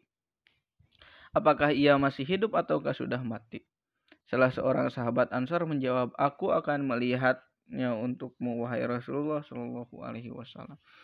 Sahabat Ansor itu pun pergi mencari Saad. Ternyata ia menemukan Saad sekarat di antara para syuhada. Karena luka yang dideritanya, sahabat Ansor itu berkata kepada Saad, sesungguhnya Rasulullah Shallallahu Alaihi Wasallam memerintahkan aku untuk mencarimu. Apakah engkau masih hidup ataukah sudah mati? Aku akan mati, jawab Sa'ad. Sampaikanlah salamku kepada Rasulullah Shallallahu Alaihi Wasallam. Tolong katakanlah kepadanya bahwa Sa'ad bin Abi, bin Robi berkata kepada Rasulullah Shallallahu Alaihi Wasallam, Semoga memberi pahala untukmu dari kita semua dengan segala kebaikan sebagaimana dia memberi pahala kepada Nabi dari umatnya. Sampaikan juga salamku untuk kaummu dan katakan kepada mereka sungguh tak ada maaf bagi kalian di sisi Allah. jika sampai Nabi kalian mati sedangkan kalian masih bernapas. Selanjutnya sahabat Ansor itu berkata, maka aku tidak meninggalkan Sa'ad sampai ia menghembuskan napasnya yang terakhir. Jika saja tidak jika saja akan kelak datang suatu hari ketika umat Islam dapat memiliki kecintaan yang besar seperti yang dimiliki Sa'ad. Kecintaan yang dapat menjauhkan mereka dari syahwat dan sifat egois yang selama ini melekat pada diri mereka. Tentulah pada hari ketika hati mereka dipenuhi cinta seperti itu, mereka akan menjadi makhluk yang sama sekali baru. Kemenangan yang gemilang akan dapat mereka raih dan semua musuh akan dapat mereka taklukkan. Seberat apa pun aral merintangi jalan mereka. Jika ada yang bertanya bagaimana mencapai kecintaan seperti itu, jawabannya dengan banyak berzikir, berselawat kepada Rasulullah Shallallahu Alaihi Wasallam banyak mengkaji dan merenungi nikmat Allah Subhanahu wa taala serta tekun menggali pelajaran yang terkandung di dalam samudera sirah Rasulullah Shallallahu alaihi wasallam. Berikut seluk budi pekerti dan akhlaknya. Namun semua itu seyogianya dilakukan setelah beris beristiqomah melakukan ibadah dan tunduk kepada Allah Subhanahu wa taala dari waktu ke waktu. Kesepuluh dari hadis yang diriwayatkan Imam Al Bukhari kita mengetahui bahwa Rasulullah Shallallahu Alaihi Wasallam memerintahkan agar, agar jenazah para suhada Uhud langsung dimakamkan. Darah mereka tidak perlu dibersihkan, bahkan tidak usah dimandikan dan disolatkan. Beliau juga memerintahkan agar dua jenazah disatukan dalam satu liang. Berdasarkan hadis ini, para ulama menyatakan bahwa jenazah para Suhada perang tidak perlu dimandikan dan disolatkan, melainkan langsung dimakamkan berikut bercak darah yang masih melekat di tubuh mereka. Imam Asyafi'i rahimahullah menyatakan terdapat banyak hadis mutawatir yang menyatakan bahwa mereka para suhada tidak perlu disolatkan. Adapun riwayat yang menyatakan bahwa Rasulullah Shallallahu Alaihi menyolatkan mereka 10 jenazah demi 10 jenazah dan Hamzah radhiyallahu anhu selalu disertakan dalam setiap rombongan sehingga jenazah pemanda Rasulullah Shallallahu alaihi wasallam tersebut berarti disolatkan disolati tujuh kali. Status hadis tersebut doif dan salah. Dari hadis ini pula para ulama menyatakan bahwa menyatukan lebih dari satu jenazah dalam satu lubang di dalam kondisi darurat hukumnya boleh, tetapi hal itu tidak berlaku dalam kondisi normal. Kesebelas, memerhatikan tindakan Rasulullah SAW bersama para sahabat sesaat setelah kembali ke Madinah, yaitu keberanian mereka untuk kembali ke medan perang guna mengajar pasukan musuh. Kita dapat memetik sebuah pelajaran lain dari peristiwa Uhud ini. Bahwa kemenangan hanya dapat diraih dengan kesabaran dan ketaatan pemimpin yang soleh. Dan dengan menetapkan tujuan yang benar-benar tulus untuk membela agama, selain itu, kita juga dapat melihat betapa Rasulullah Shallallahu Alaihi Wasallam tidak bersedia mengerahkan pasukan untuk mengajar musuh, kecuali setelah yakin bahwa para sahabat yang sehari sebelumnya bertempur di Uhud kembali berangkat bersama beliau, meskipun masih menyisakan luka dan rasa sakit di tubuh mereka. Kala itu tak ada satupun sahabat yang beristirahat meskipun sejenak bahkan sekedar untuk memeriksa luka yang mereka derita. Dengan gagah berani, mereka kembali merapatkan barisan di belakang Rasulullah Shallallahu Alaihi Wasallam untuk menyerang pasukan musyrik yang direncanakan kemenangan di saat-saat terakhir perang Uhud. Keberangkatan mereka kali ini dilandasi niat yang tulus dan tidak dikotori oknum-oknum prajurit yang tamak akan harta rampasan perang. Tujuan mereka saat itu hanya satu di antara dua pilihan, memenangkan peperangan atau syahid di jalan Allah. Ternyata apa hasil tindakan mereka dengan adanya serangan kedua, pasukan musyrik tak sempat lagi berlama-lama menikmati kemenangan. Serangan itu membuktikan bahwa kekalahan dan luka-luka yang diderita prajurit muslim sama sekali tidak dapat memadamkan semangat mereka.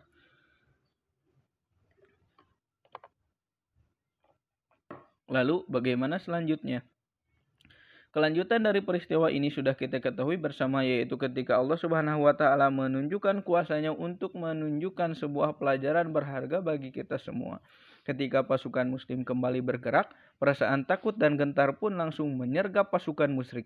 Apalagi setelah mereka mendengar berita yang disampaikan salah seorang dari mereka yang sempat melihat konsentrasi pasukan Islam dari kejauhan kemudian menyatakan bahwa Muhammad Shallallahu Alaihi Wasallam dan para sahabatnya akan segera menyergap mereka dengan kekuatan yang mematikan. Orang-orang musyrik itu pun langsung berbalik arah. Semua hendak ke Madinah, tetapi kembali bergerak menuju Mekah tanpa sempat menoleh ke belakang lagi. Jika ada yang bertanya mengapa kekuatan menyergap hati pasukan musyrik, bukankah beberapa saat sebelum mereka hampir berhasil menghancurkan para sahabat Rasulullah Shallallahu Alaihi Wasallam? Jawabannya, Allah Subhanahu Wa Taala hendak menjadikan rangkaian peristiwa ini sebagai pelajaran berharga bagi umat Islam, meliputi aspek positif dan negatifnya. Di penghujung pelajaran yang dapat dipetik dari peristiwa Uhud, Allah Subhanahu wa taala berfirman dalam Al-Qur'an yaitu orang-orang yang menaati perintah Allah dan Rasulnya sesudah mereka mendapat luka dalam perang Uhud bagi orang-orang yang berbuat kebaikan di antara mereka dan yang bertakwa ada pahala yang besar yaitu orang-orang yang menaati Allah dan Rasul yang kepada mereka ada orang-orang yang mengatakan sesungguhnya manusia telah mengumpulkan pasukan untuk menyerang kamu karena itu takutlah kepada mereka maka perkataan itu menambah keimanan mereka dan mereka menjawab, cukuplah Allah menjadi penolong kami. Dan Allah adalah sebaik-baik pelindung. Maka mereka kembali dengan nikmat dan karunia yang besar dari Allah. Mereka tidak mendapat bencana apa-apa. Mereka mengikuti keridhaan Allah dan Allah mempunyai karunia yang besar. Quran Surat Ali Imran ayat 172 sampai 174.